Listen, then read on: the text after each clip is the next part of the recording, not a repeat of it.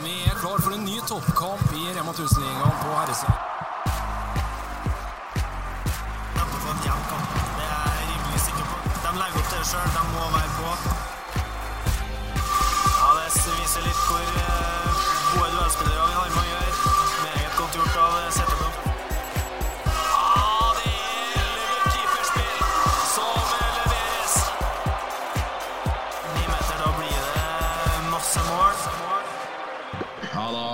Plass med en eh, ny episode i håndballpodcasten eh, Feil sperre. Og denne gangen så har vi egentlig tatt turen bort fra klubber, spillere og eh, trenere. Vi har bevega oss til daglig leder i norsk topphåndball, Hein Barthold. Velkommen hos oss. Tusen takk. Hvordan er dagene som daglig leder i norsk topphåndball for øyeblikket? Spennende, varierende, hektisk, morsomt. Eh, og noen ganger irriterende, og noen ganger veldig bra. Som en håndballkamp. Begynner med, begynner med det positive. Hva som er spennende? Det er jo spennende. Vi har jo, eh, ser jo at eh, i litt, litt i, Det gjøres mye bra arbeid i mange klubber. Og vi ser også at eh, det er eh, god fart en del steder. Og ta f.eks. åpningsuka, hvor TV 2 var på plass Men vi har vel fem TV-kamper den første uka. Hvor det eh, morsomste, syns jeg, var jo Bergen-Kolstad. Altså et arrangement som startet to timer før med svært fanområde, to, fullsatt Sotra. Eh, ja, det, det er et nyopprykket lag. Eh, så det, det, er, det er morsomt. Det var det, Petter, som bra- inntrykk, det var, en veldig, var et veldig bra arrangement. det, Altså. Det, var, det er artig å se at man på en måte får til trøkket. Og selv om man er nyopprykka og får til en kamp også, som ikke blir bare overkjøring, så det var et veldig bra arrangement. Ja, og så så vi jo eh, Fjellhammer åpnet mot Kristiansand i eh, sin første kamp der og sånt, og, og satte vel publikumsrekord omtrent eh, i Nyhallen sin. Ja, ja. Og, og Haslum Elverum kom greit også ut av det. Eh, det klart Det får en pangstart med, med at man har en TV 2 hovedkanalsending eh, dagen. Det er morsomt. Det må jeg si at det eh, var jo kanskje at Arendal tok poeng mot Kolstad. Ja da, det er ikke sant. Folk legger merke til det. Eh, og så er det litt sånn som vi snakker om sjøl her nå, Hein. Vi snakker om Bergen i Sotra, Fjellhammer med ny hall. Eh, hvor smitteeffekt kan dette her få for at interessen blir, blir større enn den er i dag? Jeg tror kombinasjonen med eh, at TV 2 sender eh, kamper fra rundene, eh, og vi har alt på TV 2 Play, og det jobbes bra i klubbene. Så skal man også si at norsk topphåndball har jo hatt en enorm økning i staben. Vi har jo økt med 100 Eh, Vi har gått fra to til fire. Eh, og det vil si at sammen med klubbene så jobber vi jo enda mer med å prøve å ha fokus på, på bl.a. arrangement. da. Og det har man da lettere å kunne hjelpe dem til eh, å være en ekstra hånd på det. Eh, Hvem og hva er det som er på en måte er Hvem er de 100% da? Hva er det som er ansatt? Vi ansatte etter årsmøtet, Dette er fra årsmøtet 2022, hvor det ble besluttet at vi skulle se etter en kommersiell sjef. Og det ansatte vi, som starta først i første. Han heter Bjørn øh, Gunnar Brun Hansen. Han kom fra da stillingen som daglig leder i Arendal, og har også da en øh, lang fartstid i Larvik øh, som daglig leder der også. Og så ansatte, ansatte vi en toppklubbutvikler. Mats Fredriksen, eh, tidligere daglig leder, eller kom da fra stillingen som daglig leder i Elverum, og også fra, som han selv kaller det litt noen ganger, bakgårdsklubb Halden, eh, som har da erfaring fra eh, flere, nivåer i organisasjonene som driver med toppidrett. Og så, er, og så har vi jo Pia Skau, som er markedskoordinatoren vår og meg. Og så er det ikke sånn i en så kjempekonsern som vi er, så har man jo ikke sånn du driver bare med det og du driver bare med det. Vi, eh, vi driver med litt alle sammen, men man har forskjellige ansvarsområder. Da. Spennende. Eh, litt tilbake til arbeidsoppgavene. Hein, du nevnte også kategorien irriterende. Hva, hvor, hvor er vi igjen da? Eh, Irriterende er når eh, vi starter serien og eh, enkelte ikke har eh, ikke var til stede når vi begynte. det er ikke alle som har gjort jobben sin. Det er noen unntak som ikke har gjort jobben sin i forhold til arrangementshåndboken. Arrangementshåndboken er den boken som inneholder bl.a. det klubbene har forlovet hverandre at man skal levere i et arrangement, og noe ting som vi har som vi felles har lovt våre samarbeidspartnere. Når folk ikke leverer som, i tråd med det, da blir jeg litt skuffet og irritert. Forståelig det. Eh, litt om eh, rollen din sjøl, har vært inne på det. Eh, ansvarsoppgaver, hvilke beslutninger, eh, hvilke, saker er vi på når det er du som beslutter ting og eventuelt har siste ord? Kan du gi noen eksempler på det? som jeg har siste ord. Jeg bestemmer aldri noe, spør min kone. Eh, jo, unnskyld, det er feil. Jeg får lov til å bestemme når jeg mener det samme som henne. Eh, Det høres kjent ut. Ja, det er godt at dette bare er mellom oss. Mm. um, Ingen fare. Ja, eh, eksempel på hva jeg bestemmer, det er jo ok, Når vi skal plassere TV-kamper, så er, ligger jo det i bestemmelsene at eh, som Norges håndballforbund og, og vi har, at eh, Norges håndballforbund kan eh, beramme TV-kamper. Og da er det jo da er det slik at da bestemmer vi bare at TV 2 vil ha den kampen på den dagen, det klokkeslettet. Så blir det bestemt. Det er ikke sånn passer det. det er sånn, da må man bare skjære inn og sånt òg. Ellers så er det jo slik at det, det mesteparten av det jeg bestemmer, er jo å følge opp det som klubbene allerede når jeg sier at medlemsmøtene og årsmøtet har besluttet. Så jeg bestemmer jo det de har besluttet. Jeg kan ikke komme på noe ting hvor jeg beslutter ting som ikke har klubben har sagt at det er det jeg skal følge opp, eller de har bestemt. Eh, Thomas Carlsen på Twitter Han er sånn delvis innpå det i forhold til når du snakker om klubbene. Han, han skriver på Twitter 'Baronen', en av Norges rikeste menn. Uh, og Hvis noen lurer på historien bak det, så kan man jo gå tilbake og høre episoden med din sønn Sebastian. Uh, så får man hele, hele historien bak det. Eh, men han lurer jo på om du kan fortelle litt om hvordan NTH bistår klubbene i det daglige? Ja, eh, når det har vært Pia og, og, meg, så har jo hun jobbet mye med at vi, vi produserer jo ferdige kampannonser og gjør det. Vi har hjelper til med, med Facebook-kontoer, annonsering og den type ting. Eh, I begynnelsen av sesongen, eller før sesongen, så er det jo mye rundt terminlistearbeid, eh, GTP-arbeid. GTP står for generalterminplan, det er når spilledatoen er. Det bestemmer man jo først. Eh, sammen med forbundet, og så er det når terminlistearbeidet kommer, og så er det TV. Så nå går mye tid på det, å forberede folk på eh, å, lese arrangementsboken. Det er da jeg blir irritert. Altså, eh, Unnskyld uttrykket 'shit happens', men de gjør det jo.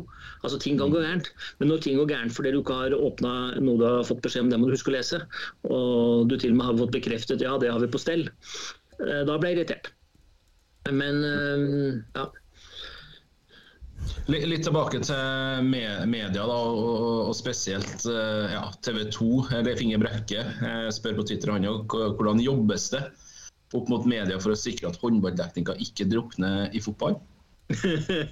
Ja, eh, nå er det slik at TV 2 og Norges håndballforbund gjorde en medieavtale for noen par år siden som strekker seg i, til 2030 eller 31, så får du arrestere meg, for det er diskusjon litt om, om det er hvilken sommer den er. Eh, og I den avtalen så, som de har laget, så står det bl.a. at det skal være en kamp per runde. Eh, en fra damene og en fra herrene. Vi har jo likestilling og like muligheter der, sånn, så vi, vi skal, skal, sende et likt antall kamper på den biten. Og da er det slik at TV 2 plukker ut kampene. Eh, og så er det jo slik at i håndball så har vi to ligaer. Eh, vi har mellom ni og elleve lag som deltar i Europacup. Vi har et mesterskap i desember og vi har et mesterskap i, januar. Og innimellom her sånn så skal man da plassere alle kampene. Eh, du kan jo si Ta Final Eight, da, altså NM, semifinale og finale i cupen, hvor, hvor, klubbene var med hele dette arbeidet. Og da var Det sånn, det var et klart flertall som ville ha begge kjønn.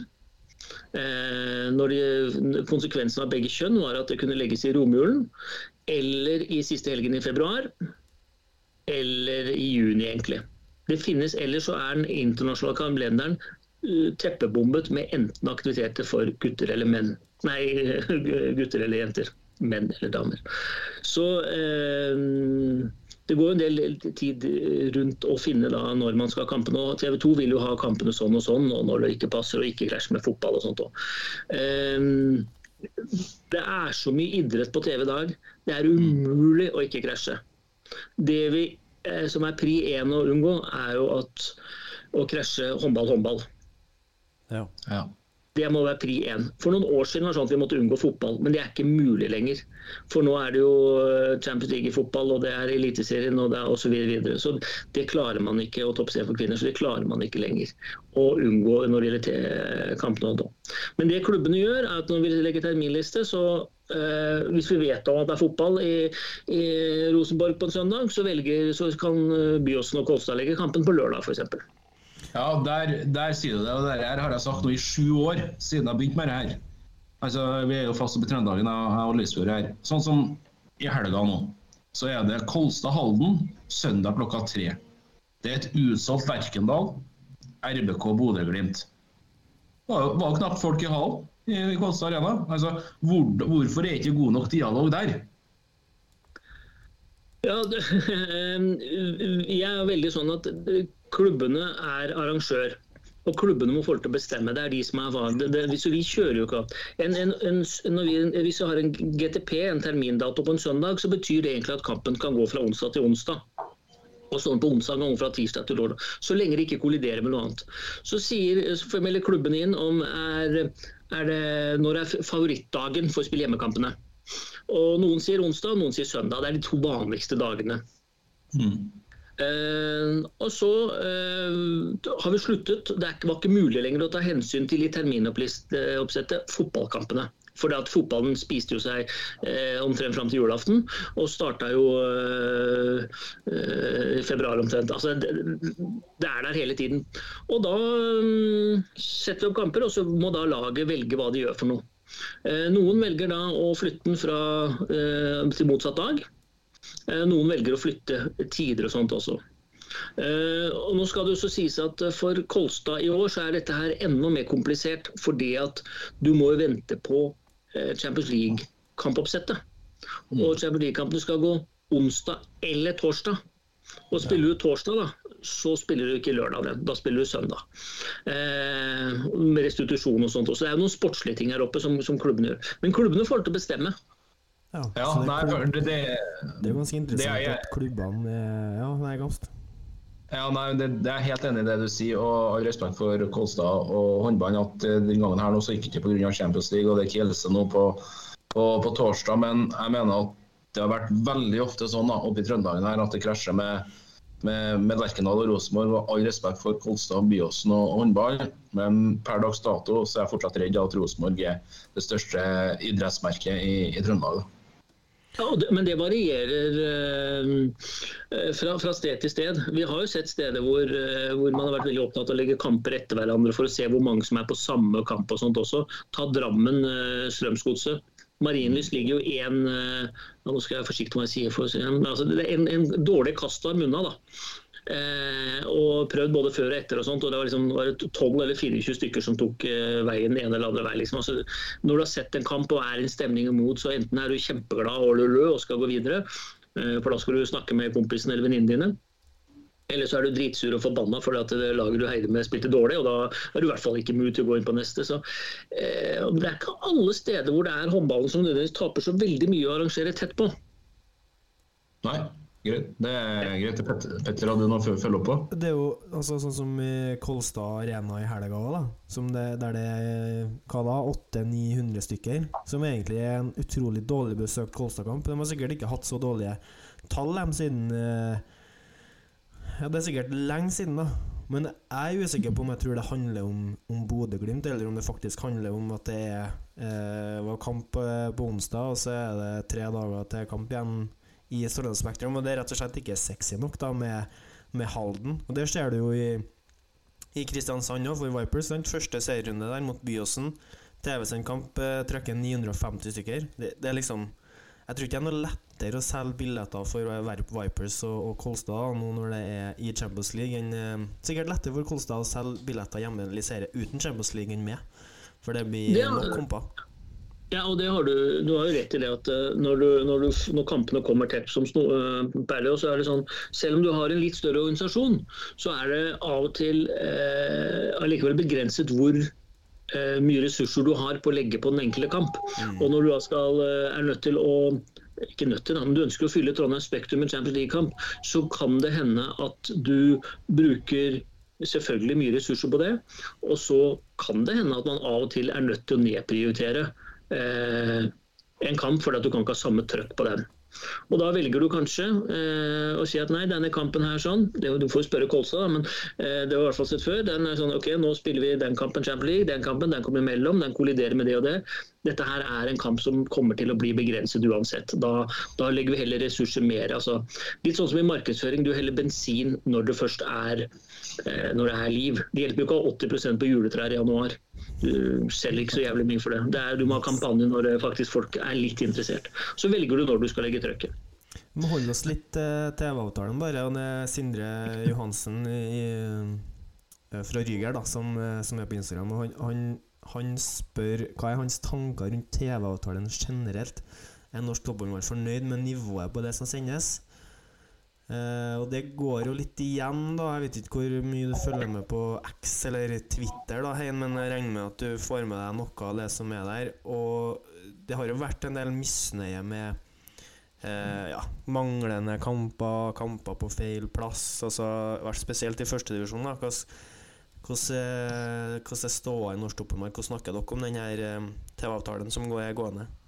Ja, nå tok du opp flere ting, eh, Petter. Det ene er jo førstedivisjon kontra Rema 1000-ligaen. Ja, ja. Norsk topphåndball er ET kun Rema 1000-ligaene. Det vil si at uh, førstedivisjon er ikke mellom oss, men jeg har jo noen klare meninger om det, så jeg kan godt hvis du spør om det.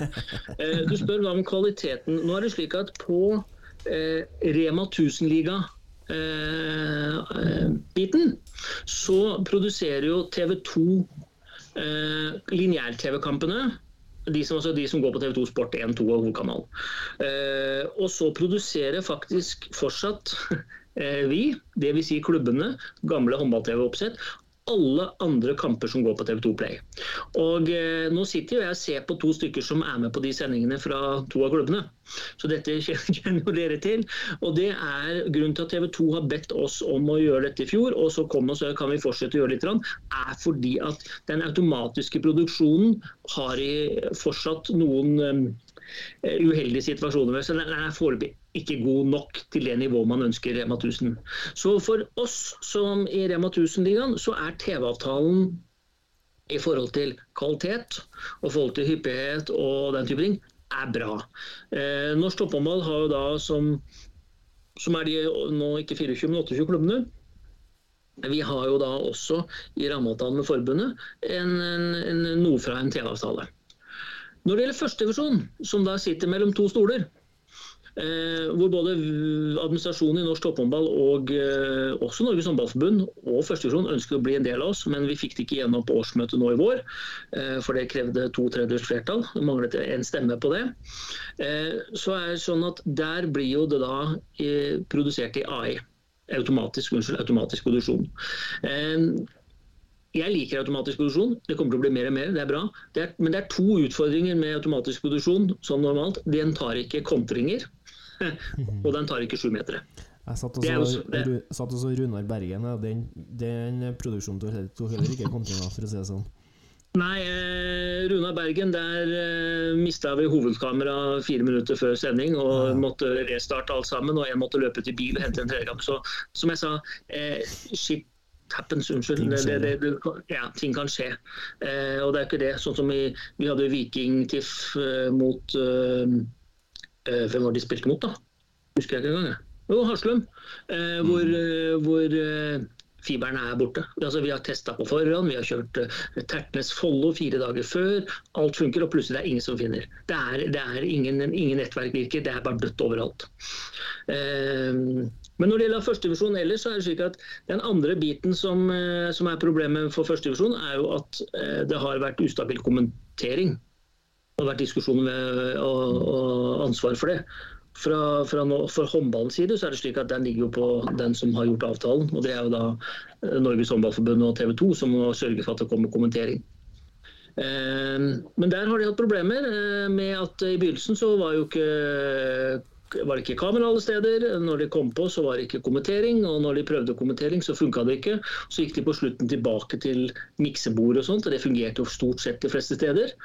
Eh, ikke alle steder. Og nå i høst så mm, har de prøver de. Det er to forskjellige teknikker de bruker, så vidt jeg vet. Og de kom ikke alltid i mål. Og på og på søndag så klarte de, jeg vet ikke hvordan, men jeg husker jeg skulle inn og titte på hvordan det gikk med nettopp Ryger mot Nøtterøy. Eh, den kampen finnes ikke. Men hvis du gikk inn, den var ikke mulig å starte, men hvis du gikk inn på Glassverket mot et annet lag, derfor jeg tok på den over, da har du plutselig bilde med skurrelyd fra Ryger Nøtterøy. Så der har det vært noen ja. Eh, Så at førstedivisjon ikke er øh, helt fornøyd med kvaliteten som er levert, det forstår jeg. Så skal det også sies eh, at bortsett fra Nøtterøy, Falk, Ryger og noen få andre klubber, så var det, som, som var en del av håndball-TV-team tidligere og sendte, så var det jo ingen andre som De andre kampene fikk du ikke se engang. Det, det er bare Vi må stoppe opp ved et par ting her. Og det er når du sier årsmøte i, i norsk topphåndball, da. Hvem er det? Hvem er det? Altså, hvem er det, er det klubbene, Rema 1000-klubbene for neste sesong som er representert, eller hvordan fungerer det? Nei, alle som har spilt i Rema 1000-ligaen i det året som har vært, pluss de som rykker opp for neste sesong, kommer. De som rykker opp, de har stemmerett fra de sakene som kommer eh, for gjeldende for kommende år. F.eks. budsjett og handlingsplaner. Eh, mens de som går eh, ut, eksempel, altså rykker ned, de har stemmerett på alt. Men det er jo da de som har vært der som bestemmer, godkjenner resultatet og regnskap og alle de tingene der. Og så ser du jo at, at førstedivisjonen havner måte mellom eh, to stoler. Altså ser du det mangler én stemme på årsmøtet for at førstedivisjon ikke er en del av norsk topphåndball. Hva er argumentene eh, imot å få førstedivisjon inn i topphåndballen? Det er at det er for mange av klubbene i norsk topphåndball, Rema 1000-ligaen, som ikke er gode nok. Administrativt og organisatorisk. Ja. Litt, Så da eh, forsvinner førstedivisjon. Men det gir ikke Det ga ikke noe mening for meg, det, fordi at dere som sagt, du, du spurte Petter om hva er et av argumentene, og da sier jeg at et av argumentene fra de som mener at vi ikke være med, er at eh, vi må først sørge for at de 28 klubbene blir bedre, før vi tar om bord flere. Det er et av argumentene fra det, som er årsak til det. Men nå vet ikke jeg verken Jeg jeg har lest meg opp veldig nøye på vedtektene og hva norsk topphåndball egentlig skal gjøre, og sånn men eh, naturlig for meg da, så, så bør jo norsk topphåndball være en organisasjon som skal hjelpe klubbene til å bli bedre, nettopp i styring, administrativt, være en støttespiller. Eh, og så må du arrestere meg hvis jeg tenker helt feil nå. Nei, men Det har du helt rett i, Petter. Det er bare at uh, Norsk Toppmål består uh, som da uh, jeg begynte het Serieforeningen. Uh, som min far sa, det må vi bytte navn på, for han trodde jeg hadde begynt i Ferieforeningen, og det passa meg ikke. Nei, jeg var ikke. Men Serieforeningen er, ble slått sammen på slutten av 90-tallet av Serieforeningen kvinner og Serieforeningen menn. Eh, og Det var da eh, Eliteserien for kvinner og menn. Og Grunnen til at de slo seg sammen var flere. En av dem var at man opplevde at toppene i hver av disse eh, hadde mer felles enn de hadde med kanskje bunnen din egen organisasjon. Og også at da på det tidspunktet så var forbundet og serieforeningene mer i krig med hverandre. De er ikke på samme måte nå, men den gangen var man det. Og forbundet var veldig flink til å spille dem opp mot hverandre. Ja. Det mener ikke den, de mener ikke det sånn. Så førstedivisjon har så Du spør, sa vår oppgave er å hjelpe klubbene. Det er helt riktig. Men det er medlemsmassen vår er eliteseriene. ja. Og eh, de hjelper vi. Og vi mente jo i administrasjonen og i styret at det å ta inn førstevisjon, eh, det, det er smart. Det bygger bredere grunnlag. Det vil bli bedre kommersielt produkt, og vi har en bedre kompetanseoverføring. Og vi får bedre klubber opp, pluss at vi får en, en bedre totaløkonomi i dette. her sånn. Eh, eh, Den saken kommer til å bli stilt og tatt opp på nytt av klubber. For det er jo flere som ønsker det. Det eh, men det er kanskje på en litt annen måte enn det som ble lagt fram i år. Ja, for sånn er det jo det, det, det, sånn tenker jeg, De klubbene som kommer opp, da som, eh, som aldri har vært der før, eller liksom som, som har vært i første hvem, Hvis de hadde hatt en støttespiller tidligere, så kanskje de hadde vært en bedre klubb allerede når de kom opp. Du kunne jo vært med å heve nivået på hele noen som stemte nei, må ringe meg og prøve å forklare meg det. For det gir, det gir ingen mening at, at man eh, For nå skal man bytte ut i, Fra år til år da, så kan det være snakk om tre klubber, den ene og den andre veien, hver eneste sesong. Det kan være ganske stort gjennomtrekk da mellom si de, eh, Hvis vi tar bunn tre, da og topp seks i førstedivisjon og Rema 1000-ligaen. Det kan være ganske stort gjennomtrekk. Liksom. Det kan være ganske mange år at de her uansett er de samme klubbene. Uh, enten så er du med i Rema 1000-liga, altså i, i Norsk Toppfotball på tur ut av sesongen, eller så er du medlem på tur inn. Så du på en måte det, det, det Ja. Nei, jeg gir ingen mening. Det vi, det vi, har gjort, er jo at vi sørger for eller i hvert fall de fleste avtalene, eller der det er mulighet, så sørger vi for at de avtalene vi gjør, at førstedivisjonsklubbene kan ta del av dem hvis man ryker ned. Ja. Eh, og eh, det har også vært mulig å være assosiert medlem. Eh, men så er det noen som da de fleste har valgt å ikke være det, fordi de kan spare noe penger. Og glemmer dette her med at man skal kanskje tilbake og sånt òg. Hvilke ambisjoner man har. Så man prøver det, og så prøver vi å, å snakke med Eh, de klubbene som rykker opp. Eh, nå har det vært litt, noen år med covid og litt annerledes enn det man nå. Man er bare, ikke man er bare flere og flere. Men vi har jo klubber, som du sier, det er riktig. Flere av de som rykket opp nå, har jo vært oppe før. Mm. Altså, Follo har vært oppe før, Gjerpen har vært oppe før, Oppsal har vært oppe før, Bergen har vært oppe før. Så av de fem som kom opp, så er det bare Vikingtiff som egentlig er nye. Uh, og det er klart at uh, det er, ikke, det er, ikke, alltid man rykker ned, og så rykker man opp igjen, og så har man klart å gjøre de store endringene og bli bedre. Ikke nødvendigvis. Nei. Så det er som Einstein. Vi er uh, Vi definerer jo, bekrefter jo definisjonen på galskap. Vi gjør det samme om og om igjen, og så forventer vi nytt resultat. Godt, godt, oppsummert. Bare litt sånn på tampen ut fra TV-avtalen for å summere opp det. Vi hadde besøk av styremedlem i Rygger, Svein Aksel Johannessen her. og Grunnen da, til at førstedivisjonsklubbene ikke får et rødt øre av TV-avtalen, er for at de er ikke medlem i hermetegn av, av Norsk Toppmannball. Det er helt riktig. Vi kan ikke forhandle på vegne av dem, for vi kan ikke representere noen som ja, Vi representerer ikke dem. Så de, de har ikke fått noen ting. Så det er penger av Norges Håndballforbund på det. Så det, det, er jo to ting som jeg har oppfattet som, er, eh, som førstedivisjonen er veldig kritisk til. Det ene er jo at det har vært varierende kvalitet på det som blir sendt. Um, og så er det noen klubber som først er sure på at de er på stream, og så er de sure når de ikke er på stream. Altså, men det ene er kvalitet, og det andre er det at uh, de har ingen som økonomisk som helst uh, fordel eller noe tilbake av denne avtalen. Mm. Bra. Eh, I forrige sesong da, så var det en sak som eh, virkelig fikk Håndball-Norge til, til, å koke, og ikke minst et gedigent eh, engasjement. Det var jo eh, den berømte omlegginga i, i seriesystemet med opp, opp, opp, opp og nedrykk midt i sesong.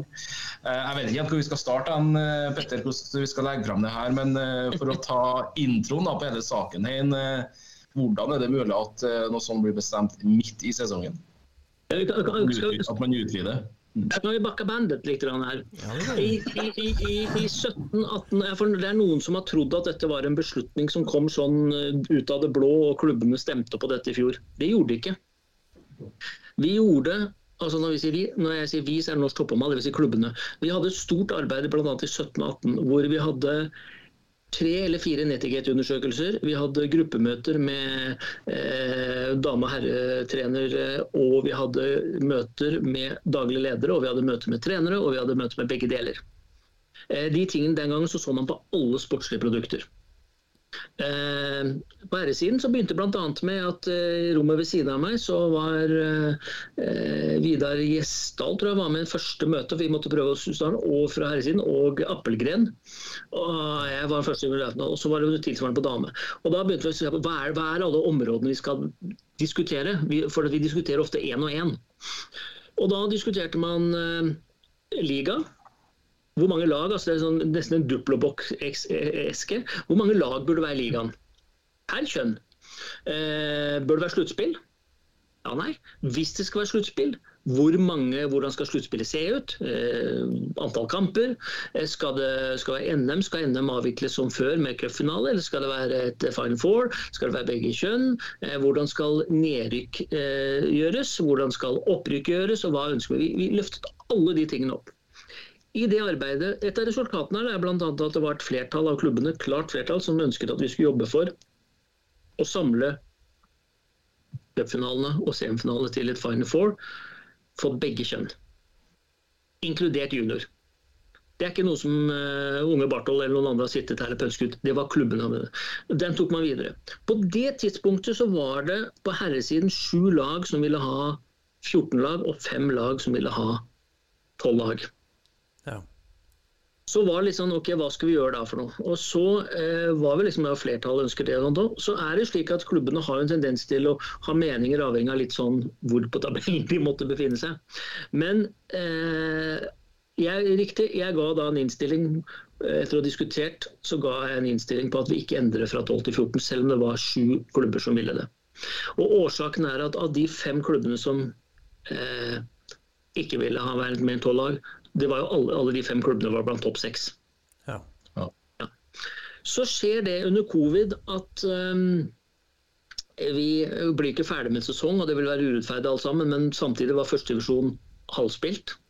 Og, øh, og, da skulle det rykke opp. Så spør forbundet, for de hadde problemer med andredivisjon og førstedivisjon hele veien, her, sånn, så spør forbundet egentlig om vi kan ta et lag Altså Vi kan la laget rykke opp.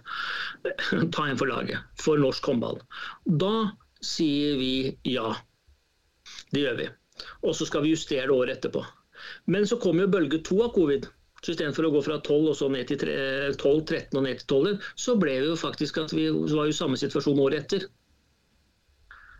Og Da ble beslutningen sagt at ok, det blir akkurat det samme nå. Det var ikke, ja, som Larvik hadde jo ikke spilt kamp fra november og skulle kanskje i mai gå ut og spille de to siste kampene for å få en halvspilt runde. Oppsal hadde spilt sin halvspilt. Det, altså det, det, var ikke fair. Så vi gikk jo til slutt i 14. Ja. Og det året som vi har 14 lag, så ringer fire av fem klubber som er mot og sier at fy fader, Ulland, dette er kult. Dette må du ordne her. Dette må vi fikse. Vi må beholde 14 lag. Dette går som en kule. Dette er morsomt. Eh, ikke alle like entusiaste, men de ringte uavhengig av hverandre og sa det. Og så tar jeg kontakt med uh, forbundet og sier at um, nå er det sånn at det er 11 av 12. Eh, Egentlig da 13 av 14, da. Uh, som syns at 14 lag er det burde du ha. Så det vil si at Vi var jo ikke, vi var ikke liksom litt tunge den veien, vi var jo helt tunge.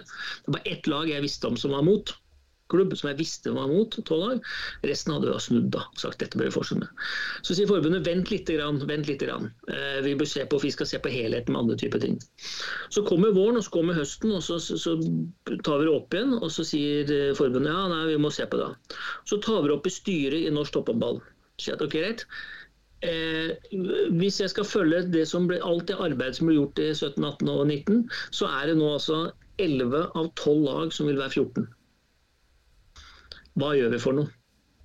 Så man sånn, du, du, du, så diskuterer man fordel og ulempe, så sier jeg at det er hva som er. Så sier styret at uh, fordi at styret er jo valgt av årsmøtet til å styre mellom årsmøtene. At for å unngå denne situasjonen at enhver klubb stemmer avhengig av hvor de måtte ligge, så tar styret beslutningen at ja, men vi basert på det arbeidet som ble gjort i 17, 18 og 19, hvor det var et klart flertall. Så styret beslutter da eh, å lage en innstilling til Norges håndballforbund. Så ble vi enige om at jeg skulle få lov til å bare sjekke med klubbene og si at dette er innstillingen. Sånn, sånn og sånn på eh, antall lag. Sluttspill ble best av 3-3-3, sånn og sånne ting. Hva vil klubben si til en sånn innstilling? Fordi at vi, jeg var, kunne godt tenke meg å vite hvor er det jeg eventuelt slår opp VG og får høre fra en klubb. Og da eh, ringte det ut, Så det var ikke noe stemme på eh, det. sånn. Da var jeg i kontakt med alle klubbene bortsett fra faktisk Sandnes, for de hadde akkurat rykket opp. Så de hadde ikke vært med i dette arbeidet i 17, 18, 19. Eh, og ringer og sier at styret har i Norsk Topphåndball eh, skal oversende følgende innstilling til eh, Norges Håndballforbund. Sånn, sånn, sånn og sånn. Hvordan stiller din klubb deg til den innstillingen? Så fikk forbundet en liste fra meg med eh, alle klubbene, med kontaktperson på alle klubbene, hvem jeg snakka med og hva de mente for noe. Og Der står det at f.eks. på én klubb så står det eh, vil beholde tolv lag og samme sluttspill som nå. Eh, mens de elleve andre, 11 andre hadde- unnskyld, ti andre for Sandnes ble ikke berørt. av det.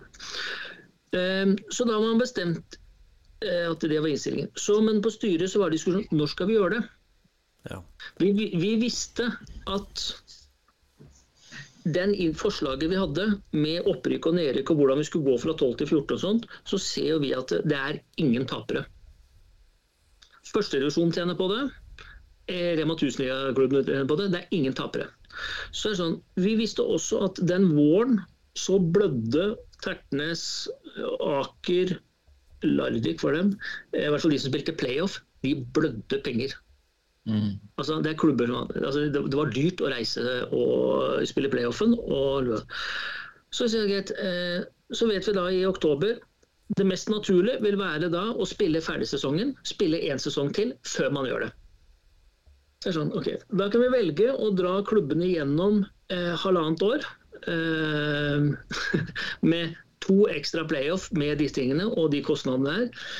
Eh, For det ville vært det smarteste ut fra sånn. og sånn. Ellers kan man si at det er ingen tapende. Hvorfor skal vi gjøre det? Vi har ingenting å tape på eh, å gjøre det nå.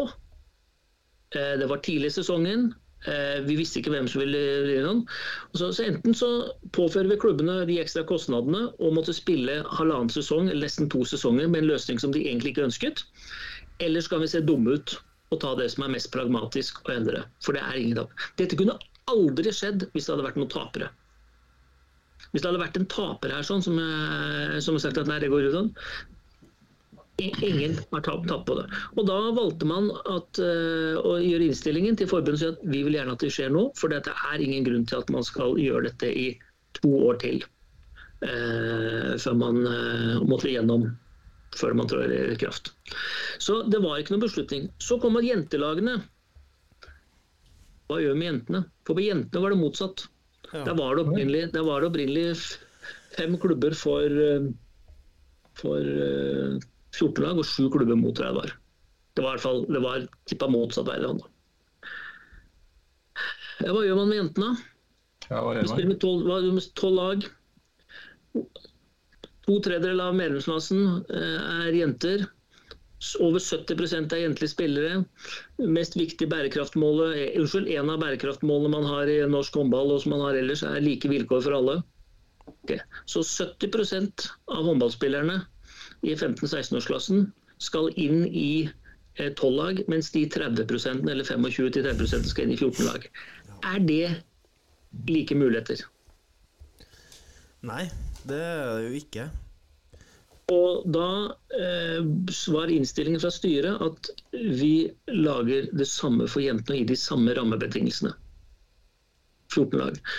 Dameklubbene fikk også sendt ut skriv med de samme tingene, sånn og sånn betyr, og så ringer vi rundt eh, og spør hva ser han. Så forbundet vet hvilke tre lag på damesiden som var Unnskyld, to lag som var mot 14 lag, og hvem jeg snakka med.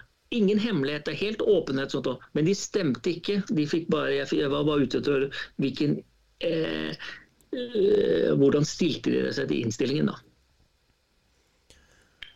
Hva er det i ettertid som har vært eh, den største på en måte motbøren? da? Hvor er det på en måte det har ehm, Hvor er det det har kommet mest motbør fra da, på den her, eh, den her altså, kontroversielle avgjørelsen? For det, sånn sett utenfra så, så var det jo det. Eh, og alt som ble sagt og skrevet og hit og dit og dit og datt, så var det jo det. Men hvor, hvor er det du har følt mest på denne, altså på motbøren i ettertid? Motbøren, og motbør. Eh, I og med at jeg ikke er på X eller Twitter så mye, da, så har jeg ikke merka noe. Har det vært noe motbør? Har det vært noen reaksjon?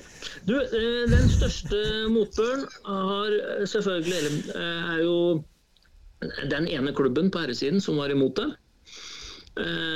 Som, ja, og de to dameklubbene Nei, den ene dameklubben som var mot, har ikke sagt noe. Men den ene dame, en av de to dameklubbene, der har det vært noen som har sagt litt, de syns det er dumt alle sammen. Ellers så er det slik at de tingene som er fanga opp, det kommer jo fra folk som eh, ikke har hatt grunnlag for å ha mulighet til å ha fakta bak under hva som har skjedd for noe. For Hadde de vært med på reisen i 17, 18, 19, vært med på møtet og hva som skjedde, hvorfor det for noe, så ville man kan godt være man fortsatt være uenig om hva for noe, men, men den største reaksjonen er jo da eh, på Twitter fra folk som, ikke er, som er ikke klubbfolk, men som er tidligere spillere, det er folk som er følger med, som kjenner hva i alle dager. For de ser jo, det ser jo helt Johan ut å gjøre om en, en beslutning midt i en sesong om hva som er for noe. Det ser jo ikke jeg ut. Men eh, jeg ville gjort det igjen. Jeg ville støtta det igjen. Det var ikke jeg som tok beslutningen, men jeg mener den var riktig. Men vi kunne kanskje lagt noe bedre materiale eh, og forklart litt mer til allmennheten hva som skjedde og hvorfor det er. For det finnes jo folk inne i skogen som tror at de stemte på det i fjor. Så nei, dere stemte jo ikke på det. Noen tror at ja, vi hadde en sånn, jeg ringte rundt og så fikk folk lov til å stemme. Nei, det var ikke en avstemning. Den gjorde vi egentlig i 17, 18 og 19. Ja. Hvordan, hvordan på- ut fra når det her ble eh, stemt da, og, og- og vedtatt, hvordan har dialogen med rettighetshaver vært? Altså, det må sendes flere kamper.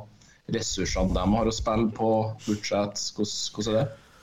Eh, Norges håndballforbund og Norsk håndball tok det opp i et møte med TV 2 i forbindelse med at man snakket om alle disse tingene rundt eh, ja, eh, kamper og sånn.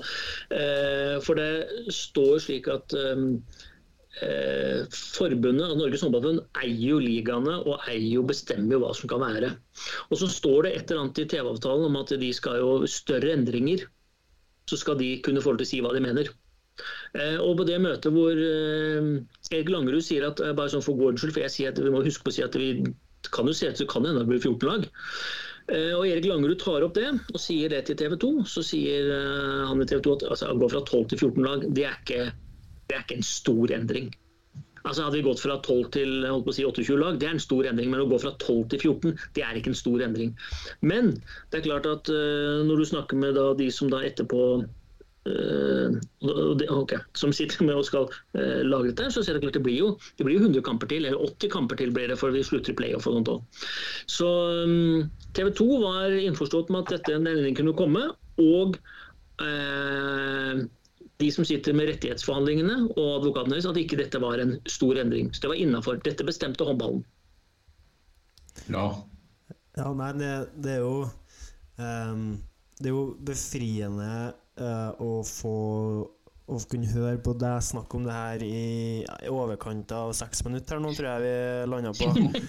Fordi at, fordi at det gir noe um, som ikke måtte, eh, som, ikke, som man måte ikke aldri fikk. da man, For man kan lese i bruddstykker, og man, eh, man, det er kommentarer og sånn, men, men det er veldig befriende å kunne få oppklaring i det og faktisk eh, få hele historien. Og den eh, håper jo mange hører på det, og at mange eh, velger å Men jeg, jeg, jeg tror fortsatt det er mange som kommer til å sitte og tenke ja ja, men eh, midt i sesongen, og det er jo mange som fortsatt vil være uenig prinsipielt i avgjørelsen, men, men prosessen rundt det hele tror jeg det er veldig viktig å få belyst, fordi at eh, mistilliten til eh, ja, skal ikke dra inn andre ting her nå, men ledelse i offentlig forvalta ting, da, hvis jeg kan kalle det det. Altså Norges håndballforbund, eh, Høyre, altså hele den her eh, mistilliten til toppfolk da er så, blitt så ekstrem at det å få lov til å snakke seks minutter uavbrutt da, og fortelle sin side av historien, det er undervurdert. Og så eh, Jeg er ikke nødvendigvis eh, Alt det du forteller, gir jo, gir jo mening. sant? Det er vanskelig å sitte her og, og være eh, uenig eller arrestere deg på noe. Eh, og så For min del så tenker jeg jo at det å være 14 lag, det, det gir mer enn det tar. Eh, og det ser vi Sitte og være Kolstad og være imot det, for det blir fire kamper ekstra, og så ser vi hvordan de håndterer kampen på søndag mot Halden, som egentlig bare er lett treningsøkt. ikke sant? Det er liksom det samme Ja, kan men, du si om ja, Peter eh, Kolstad, altså, ok. Jeg tror de fleste vet hvem på herresiden som var mot. det var, ikke- det var ikke så viktig, det var bare poenget mitt. At som de beste klubbene da eh, må spille fire kamper ekstra, altså, hva er motbøren din, da? Altså, jeg, sånn, eh, jeg tviler på at det er så mange som egentlig ehm, eh, tenker seg veldig godt gjennom kritikken som kommer, da. Det, det tror ikke jeg. Og så eh, tror jeg det viktigste Altså, på lang sikt så tror jeg uansett det var det rette valget, fordi at eh, Det ser vi jo nå, når Viking Tiff og, og ikke minst Bergen kommer opp og har hatt en kjempestart på sesongen før eh, nivået i førstedivisjon er høyere enn mange egentlig tenker at det er. Ja. Altså, det er jo slik at eh, Grunnen til at vi styret besluttet at jeg skulle gjøre en undersøkelse på å høre hvordan da, for Det kunne jo hende at noen av de som endte 14 før, hadde bytta mening òg. Det, Ja. det er ikke bare at det, det kan jo være motsatt òg. Men når 10 av 11 herreklubber og 10 av 12 dameklubber ønsker denne biten, og du sa tidligere at hva er jobben vår? Jo, vi er en interesseorganisasjon for klubbene. Eh, og når det er så stort flertall som ønsker det, så, eh, så, så er jo vår og min oppgave da å, å jobbe for det. Og det, det var det man gjorde da. Og så er det da, som sagt, var spørsmålet eh, når vi hadde funnet ut ja, det skal bli sånn, det var sånn man rykker opp, og sånn det skal være. Når skal vi gjøre det? Og det er jo da ja. Så jeg sa vi kan vente et år, eh, som vil være mest naturlig. Men eh, kan vi være dumme? Og så valgte vi å være dumme. Det ville ha vært dumt uansett, så det minus minus er sjelden pluss. De, de, de klubbene ville jo at vi skulle få det. Altså, klubbene ba jo oss om å få det til med en gang. Ja.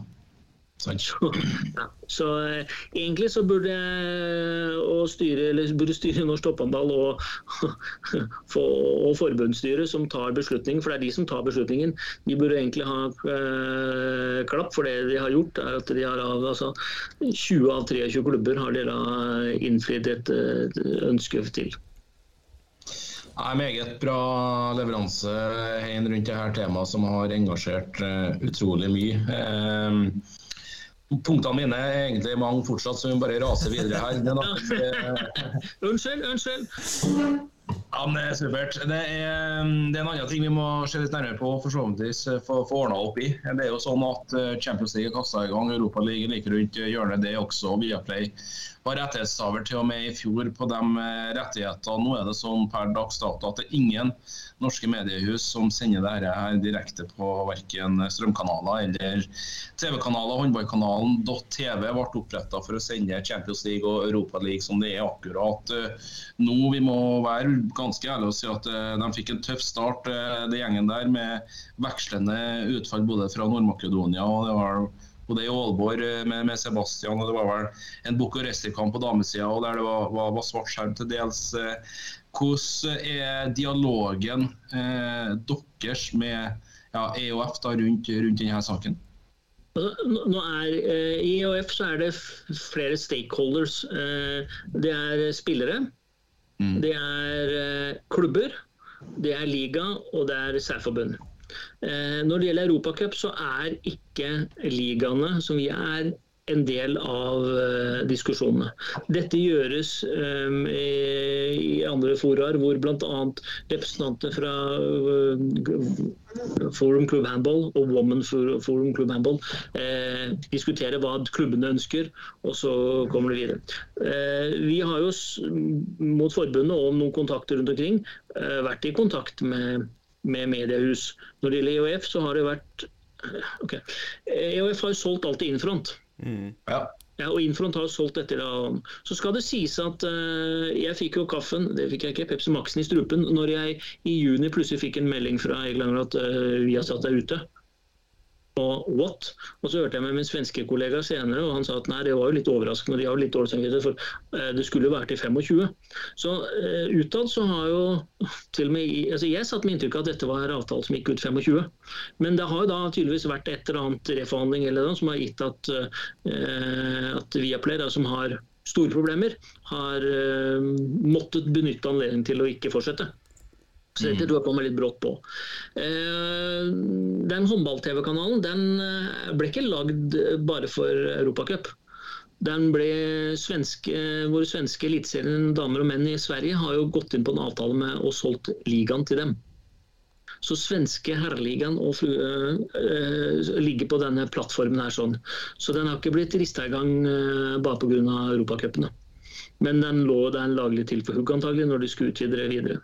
Eh, Det er en veldig viktig presisering av hva denne kanalen er. For det er mange som tror at denne eh, handball, eh, denne TV-kanalen eller streamingtjenesten ble funnet opp nå i sommer og, og kom rett ut på eteren for at ikke det var rettighetshaver i Norge, Sverige og Danmark. Og det er, er jo en grei presisering da faktisk at den hadde kommet til å komme uansett. Ja da, altså, så kan du si at uh, Hvis du følger med svensk media, og, uh, sånn, så kan du si at uh, ja, de har hatt litt trang start på e-cupene på den biten av plattformer, altså den som er med Europacup. Men det har jo ikke vært det har ikke vært eh, gått under flaggen og flaggpunch i Sverige akkurat heller. Det har vært en det har vært ordentlig krasj. Det har ikke funka ordentlig. Eh, Så, så det er jo mange måneder siden eh, det ble bestemt at de skulle lage denne plattformen for svensk eh, liga. og sånt. Så eh, vi ble presentert den svenske versjonen i Köln i begynnelsen av juni. Ja. Hvordan, hvordan tror du det her eh, Altså den her delen av rettigheten Når denne rettigheten da med europeisk håndball ligger, eh, ikke ligger i et norsk mediehus, hva tror du det har å si for interessen eh, eh, Ola Nordmann har for europeisk håndball? Den er utrolig negativ. Det er ikke bra for oss å ikke være på, på noen nasjonal TV og nasjonal plattform. og sånt. Det er ikke heller. Nå er det slik at Timingen er jo perfect storm her. Eh, Viasat eh, har kjørt bilen sin sånn litt, litt kraftig inn i fjellveggen. Eh, NRK er jo ikke på denne type rettigheter. Eh, TV 2 skal ut og spare noe å gjøre om. Nå er ikke sikkert det er bare sport, da. det kan være andre deler, vet vi ikke. Og vi vet at Discovery Aerosport også heller ikke er, er eh, i løypa for å kjøpe denne type rettigheter. Det er to ting som er når det gjelder TV. Det ene er jo produksjonskravene, og det andre er jo rettighetspengene. Produksjonskravene i, i Champions League, som mange har heia på og hoppa på, de er større enn hva uh, du ser når TV 2 sender landskamper uh, i Golden League. Ja, eh, og Det er en utfordring at man kan ikke bare senke produksjonskravene i Skandinavia. Og Husk på at dette her er, dette er ikke et norsk problem, det er det samme i Sverige og Danmark. Var, det er en liten endring der da. Men eh, du kan ikke bare senke det, for at når gjør, eller ungarsk TV da, har tatt på seg forpliktelsene i Ungarn, tar betale all produksjonen der sånn, så skal de få alle bortekampene tilbake. Og da kan ikke vi, da kan ikke, De vil jo ikke godta når de har kjøpt dette i Ungarn, å få tilbake svart-hvitt med et kamera fra Sverige, og Danmark og Norge. Nei. Klart. Nei. Og så er det da eh, den. Eh, Vi så i Danmark, dere har sett hva som har skjedd der. Ja. Ja, dansk radio har tatt én damekamp og én herrekamp i Champions League i uka. Eh, husk på at Danmark har fem lag i Champions League, så det kommer til å være mange kamper som ikke går der. Og så har de fire lag i Euroleague, og ingen av de ble vist da. Men de får dette her ut. Eh, vi håper jo og tror at eh, Infront og eh, Det er jo egentlig bare én aktør i Norge som jeg personlig har tro på kan ta og gjøre den jobben. Og vi håper at de plukker den opp. Hvor eh, langt unna kan vi være i løsning? Akkurat nå er det ingen, akkurat nå så er det jo ingen løsning. Men, Nei, det er derfor jeg spør hvor langt unna vi kan være. jeg, jeg håper jo og drømmer om at eh, Infront og det er jo TV 2 som ligger oss nærmest, fordi at de har de anledningene. Jeg, jeg håper og drømmer om at uh, når jeg åpner julepresanger, så vet jeg at uh, Champions League-kamper eh, i 2024 kommer til å gå på åpen kanal. Det er, det, er viktig for, det er viktig for Kolstad, det er viktig for Vipers, det er viktig for norsk håndball. Og det som Elverum har gjort i mange år, og Vipers med den interessen og synligheten på klubbhåndballen, er viktig for norsk håndball. Og det er viktig også for ikke bare interessen, men det er også viktig for det økonomiske grunnlag for disse klubbene å få utvikle seg videre.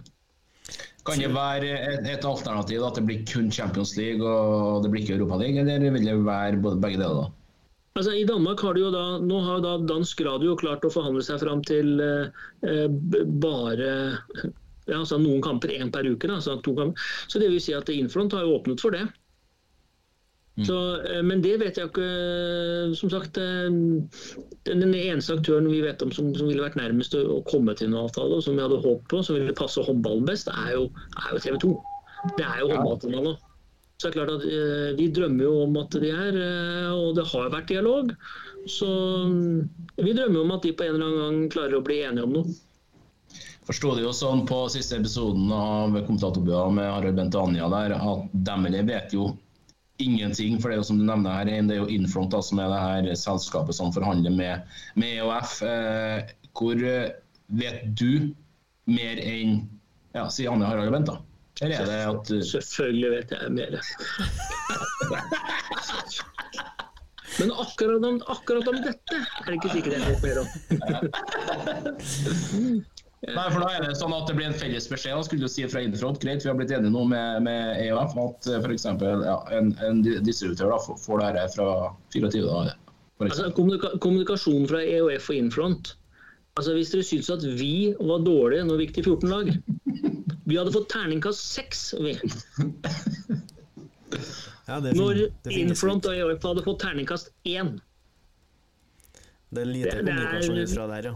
Det skjer litt Ja. der er dårlig, egentlig. Litt, litt i klubbene her, litt i klubben der. Eh, litt sånn, litt sånn. Eh, så det er Ja, det, det, vi, er ikke, vi er ikke helt ja. Så Harald de vet nok akkurat eller disse her tingene mer enn oss. Men det er jo ikke, det er jo ikke Harald, det er ikke kommentatorbua, det er ikke Harald de som forhandler med, eh, om rettigheter. Nei, såpass har vi faktisk også forstått, så det Ja. ja. Nei, vi la, vi la ja. Det er noen i TV 2 som vet mye. Men eh, hva de vet og hva de vil, det vet ikke jeg. Vet du noe om eh, altså, eller, altså presset fra, mm, fra klubbene, da? Altså, sånn som Kolstad og Vipers, da. Tror du de har noe, noe makt, eller makt, tror du de har noe muligheten til å, til å presse fram en avtale? Nei, ikke press fram. Det er, ikke det, altså. det er klart, Norge er en eh, Vi er jo verdens eh, navle, tror vi. Eh, vi er en stor håndballnasjon, og spesielt i egne øyne. fordi at vi har jo gode landslag på kvinnesiden og herresiden, og vi har tre ganger. Så, sånn sett er vi jo en stor eh, håndballnasjon. Men vi er altså med, Vi er vel som en eh, Birmingham i England som by. altså i, Hvor mange i Norge bor i fem av? Altså, så vi er jo en knøttlite land. Vi har historisk sett hatt eh, høye vært gode penger og få solgt rettigheter til norske. Altså i, i all rettigheter på Premier League og, og fotball og noen, har vi alltid hørt at eh, eh, har vært dyrere i Norge fordi at betalingsvilligheten mellom selskapene har vært stor. De som har bydd. Eh, den tiden har kanskje noe endret. For at, Bra.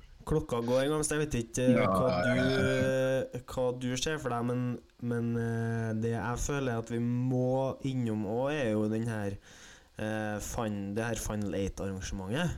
Eh, Ja. Hva er um, altså, ha, Hvordan er evalueringa der? Er hvor involvert er dere i det som foregår med kampoppsett, og hvem som skal spille, og hele, hele det hopprennet der? der bestemmer jeg alt. Det er på samme altså? Der òg! Der òg! Nei da. Du, eh, Final Eight er et, eh, et eh, produkt som eies av tre parter. Norges håndballforbund, Norsk topphåndball og arrangøren. Det sistnevnte, arrangøren, den kan byttes. Ja. Slik at Hvis man da skal etter hvert eh, være andre steder, så vil det være andre typer som kommer inn som eier som den tredje. Eh, det er gjort eh, Når vi skulle eh, Når dette ble lagd, så som jeg sa i begynnelsen, så er dette forankra i klubbene ønsket å ha eh, Final Four for begge kjønn, samlet og junior. Og så var det unge Barthold som eh, fant på at ja, la oss kalle det Final Eight for å skille litt, for å prøve å forklare at det er noe annerledes enn Final Four. Vi er klin gærne, vi skal ha med begge kjønn. Eh, så lagde man eh, så man satte opp det. Der er det slik at det er en prosjektgruppe som, eh, hvor arrangøren eh, har med seg noen folk fra forbundet. og så er det en styringsgruppe hvor det sitter representanter fra eierne, eh, forbundet, eh, Norsk Topphåndball og arrangøren. Og da er det slik at eh, det er tre parter, da. Og så er det jo også sånn at eh, hvis eh, Så har også lederen i gruppen har dobbeltstemme. Det er alltid den fra forbundet. Der- Der òg? Ja, ja. Så det, så det, men det er jo greit. De er jo, forbundet eier jo eh, hva heter det, for De eier jo konkurransen. Eies jo av, av forbundet. Så eh, i fjor, eller når vi skulle jobbet igjen, dette var jo pitch fra Innland. Eh, eh, Trøndelag var egentlig ikke så helt på Vi måtte finne hvor det var arenaer. Og, og hvor er dere arenaer som tar ja, minimum 3500-4000 mennesker. Satt vel egentlig grense på fire. Og da var det ikke så veldig mange. Eh, og når vi er tilbake til da, når kan dette gjennomføres, det er enten i romjula eller siste uka av februar. Og klubbene vil ha siste uka av februar. Ja, det er skiskyting alt sammen, men de vil ha det. Og da var det sånn, ok, hvilke steder er det vi har? Vi har eh, Håkonshall. Det var ikke billig. Eh, DNB Arena eh, var vanskelig å få midt i hockeysesongen.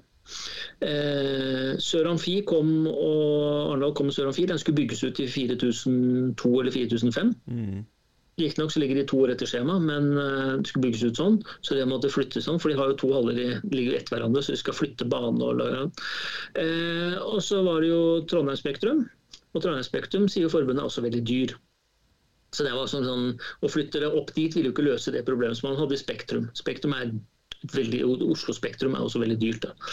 Så det er sånn greit. Og da de tingene vi så på da på Hamar, Lillehammer, eh, Sørlandet og Stavanger, så i Stavanger trakk jo seg, det var liksom ikke noe arrangør der heller på det tidspunktet som ville være med, så valgte man Arendal. Eh, var begge dere her i fjor, eller? Yes. Ja. ja. Eh, hvordan syns dere det var når dere først var kommet hit? Eh, jeg syns det var helt, hadde helt fantastisk helg med, med juniorfinaler på lørdag i boksen der, eh, med et eh, veldig profesjonelt håndball-TV-team som, som gjør det sømløst på TV2 Sport 2. Uh, og så få sitte der og bare nyte kamp etter kamp. Uh, ja, både fredag og lørdag, og søndag. To kamper med, hver dag. Det var helt Helt ypperlig. Eh, arrangøren sømløst, alt går som det skal. Eh, god stemning i hallen. Litt lite folk, selvfølgelig. Eh, litt dårlig plassering av de folkene som var der, i forhold til TV-kamera og sånn. Og så er jeg farga, av at jeg tilbringte mye tid med Harald Bredli under den helga. Da, og da handler det jo litt om altså, hvorfor greier man ikke å sette alle folkene på rette sida forhold til TV-kamera og sånn. Og det er sånn, sånne småting som jeg òg tenker at man bør bli bedre på, men sånn alt i alt så syns jeg arrangementet var helt eh, fantastisk. Eh, kan kunne ikke satt fingeren på, på noe, og skjønner ikke helt eh, hvorfor man gjør endring på kampoppsettet. Eh, det eneste man tar stilling til da, er jo de klubbene som spiller semifinaler fredag, og som må være hele helga si i Arendal til søndag.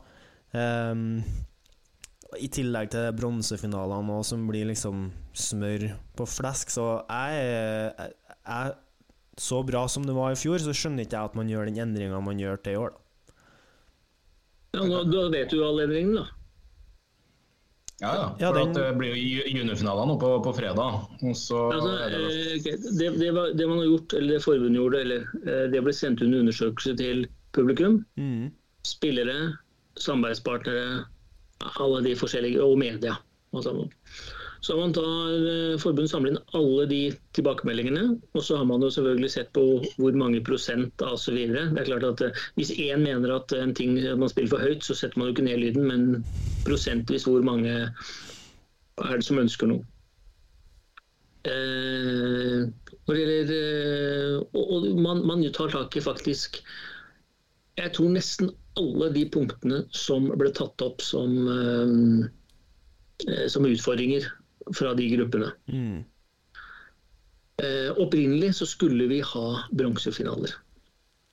Det var jo på originalplanen. Vi skulle ha det. Så kom TV 2 og sa det at eh, hvis vi flytter kampene tidligere, så kunne vi fått eh, kamp på hovedkanalen, og begge to kanskje også. Og da måtte vi veldig tidlig. Da ofra vi bronsefinalene. Ja. Og så for det. Eh, og en del andre ting. Nei, eh, endringene er jo at vi eh, gjør om kampprogrammet litt mer sånn som originalt var liksom litt tenkt. Det er at uh, du trenger Du kan komme Kommer fra Trondheim, da, så skal, kan du komme ned på lørdag. Du får deg en kamp på lørdag, eller du kan få så mange kamper du vil. da, når du kommer der, Og du får kampene på søndag hvis du vil. Uh, det ses på Det var kritikk for at vi, det ble jo bare lagt ut på de dyreste stedene. Vi ventet, for det, det skulle lages en svær sving som skulle være billige billetter på. Men historisk sett så pleier folk å ta bare billigste.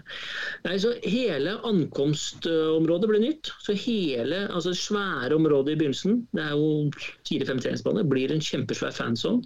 Så du kommer inn i den veien, slik at du kommer inn på samme nivå.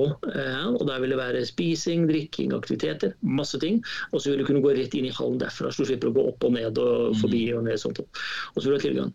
Så er diskusjonen skal vi da selge eh, noen dagspass, eh, eventuelt helgepass, eh, og skal vi selge enkeltkamper. Og her kommer problemet. Når, vi selger, når det er så stort område med stor fanrom, så er det å kunne ha dagspass eller helgepass en god ting, for da kan du flyte ut og inn og ut og gå ut og spise litt, gjøre noen aktiviteter og komme tilbake. og noe også. Eh, ulempen med det er jo at eh, du vil jo kunne bli litt glisnende i TV-ruta, for folk vil jo sitte litt rundt omkring, men du vil få eh, en mer st stor opplevelse, alle som er der. Ser kanskje ikke så bra ut på TV, for det vil være noen områder som ikke ser så ut, men de som er der, vil oppleve at det er, er folk hele tiden. Eh, det kommer barnebilletter, det kommer Ahmed, og i utgangspunktet så vil billettprisen ha halvparten. Ja. Så prisene halveres egentlig, og i tillegg så kommer det barnebilletter. I tillegg så får de inn den bronsekampen som, de som egentlig var med, som folk har spurt. Spillerne er ikke så begeistret for det, der er det litt delt. Mens publikum var veldig opptatt av at eh, når vi først drar ned dit så, og skal selge laget mitt, så skal jeg ha en kamp til. Det er en garanti der. For det er klart, trekker du og skal møte Kolstad i semifinalen, så er det ikke sikkert at du tror du kommer til å spille finale. Da er det greit at det er en kamp dagen etter. Ja, det er godt, godt, godt, eh, godt vurdert. Eh, Hvordan er det med evalueringa rundt eh, økonomiske bilder fra arrangementet? Vi gikk underskudd i fjor. Budsjettet, det, var ikke, det var ikke underskudd i budsjettet i fjor. når vi begynte. Budsjettet i fjor er, er positivt. Man har jo, tar jo ned noen kostnader. Og øker noen eh, inntektskilder i forbindelse med fanzone og den type ting. Eh, Så er det jo sånn, det er jo spennende, for når vi nå nå innstiller jeg at billettprisen er halvparten. Det kommer til å bli billigere, i hvert fall. Eh, om det blir 40% billig eller 35-60 litt avhengig av for noe, men det kommer til å bli vesentlig billigere for de som er For det vi så i fjor, var at tanken var at nei, du kjøper, du kjøper to semifinaler menn og finale. Og så gjør du samme på damer. Ja, men så kommer Byåsen, da. Så er du Kolstad-supporter. Så er det, herregud, vi vil jo få med Byåsen-kampen. Og så kommer Storhamar og Elverum, så hadde du flere, og Vipers Kristiansand. Så hadde jo så mange som faktisk hadde to lag fra samme område eller by. da. Og da var det der å måtte kjøpe en hel pakke på damer og en hel pakke på herrer, ble veldig stort. da. Ja, det er klart. Det, det, det ble jo det. Nå ble jo Nærbø, Nærbø Arendal i åttendedelsfinale allerede, så det kan hende at nei, eh, ØF-gutta må, må jobbe dugnad i februar. Det var en god story, da. Ja, fin den. fin den. Bestandig er det positivt i den. Du, veldig bra svart. Eh, litt på tampen her. Eh, Kolstad, du var inne på det sjøl, men eh, det kom en nyhet der i, i juli om at eh, man slet litt økonomisk der oppe. Det måtte reforhandles et kontrakter og regnskap og det ene med det andre. Her eh, Var norsk topphåndball involvert i den prosessen? Nei. Nei. Bra. Eh, Godt svar. skal si, du, du, du- spør jeg må si at det, det er sånn, Timingen var jo, det var jo det var en god timing når du skulle gjøre det. Eh, eh, og noen, men nå er det jo slik at eh, eh, Skadefryd er jo eh, mange som syns er bra. Jeg synes Det som kommer for dårlig fram i den eh, storyen, syns jeg er jo at hvis du sier at du eh, skal gå fra 100 km i timen til eh, Eller gå fra 10 km i timen til 100 km i timen, og så klarer du bare 80 og så får du da et problem, og så er all fokus på herregud og. Eh, så jeg har, har litt blandet det. Jeg syns det er trist. Det var ikke noe bra for omdømmet vårt. Og så, jeg, så vet jeg at eh, utlendinger ikke skjønner at prisstrukturen og lønnsstrukturen er annerledes i forhold til om man har private sponsorer eller ikke i Norge. Eh, men det kom for dårlig fram. eh, eh, den biten. Og så har vi i Norsk Toppball sagt i mange år hvis du ser at ting ikke går som det skal, gjør noe med det, altså ta beslutning. Så Sånn sett så liker jeg at de tok beslutningen nå, enn å kjøre videre og komme med disse problemene i november-desember. Absolutt. Ja. Spennende. Tida, tida går, gutter. Eh, Hein, tusen hjertelig takk for eh, fantastisk leveranse. Vi passerte timen i dag også. Det, det, det her var veldig, veldig bra. Vi har noen temaer til, så du må, vi må, du må, du, det blir reprise hen eh, når vi kommer utpå våren her. For vi har noen temaer til som vi skulle ha vært igjennom. Kan det bli sånn serie, eller? Ja ja, Ja, ja, ja, det er bra. det. Ba, ba, baron, baron stille. Baron stille. Vet du, vet jo hvorfor jeg heter det nå som tiden er over? Eh, Rema har stoppet. Vet du hvorfor jeg heter Baron, eller? Nei? Men jeg jo, altså. Nei, det er sånn at eh, Benedicte og jeg vi var i- på ferie, bilferie i England, og så var vi innom en sånn kjempesvær katedral som hadde da eh, masse sånne slekts... eh, De hadde jeg tror, 40 000 slektsnavn i hele Europa.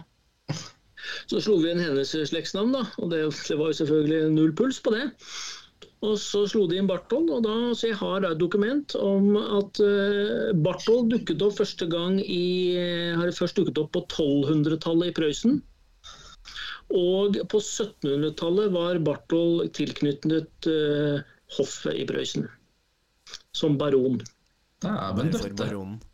Ja, og Riktignok så er det slik at eh, den delen av slekten som eh, jeg må komme fra, de kan jo ikke være verdt dem. For at en kaptein som het Hein Barthold gikk i land på Hurum i 1645 eller noe. Så Der er navnet fra. da. Så, men derfor ble jeg kalt bare baronen, da. Fantastisk. Vi har hatt eh, baron som gjest. Strålende levert. Han ikke trengt å ordne noen kjøreplan, kunne kun ordne meg stikkord. Du fungerte som som en fabrikk, så det her var strålende leveranse. Ja, hva, hvor skjer, hva, uh, Har du noe tipp om hvem som uh, blir den første som slår Kolstad? Eh, Kielse. Kielse. Å faen, du har dårlig spurt. Ja, det var dårlig. Det er derfor ikke jeg driver med dette, her, gutter. Herregud. Jeg må finne meg noe annet jeg heller ikke kan gjøre. Veldig bra. Eh, jeg skal jo se konsekvenser på torsdag. Har Meløy Sandefjord på, på, søndag. Petter, du skal en tur i barnehagen og hente unger. Og så skal det òg skje mye håndball i helga. Takk til deg også. Vi er klar for en ny toppkamp i Rema 1000-ligaen på herresiden.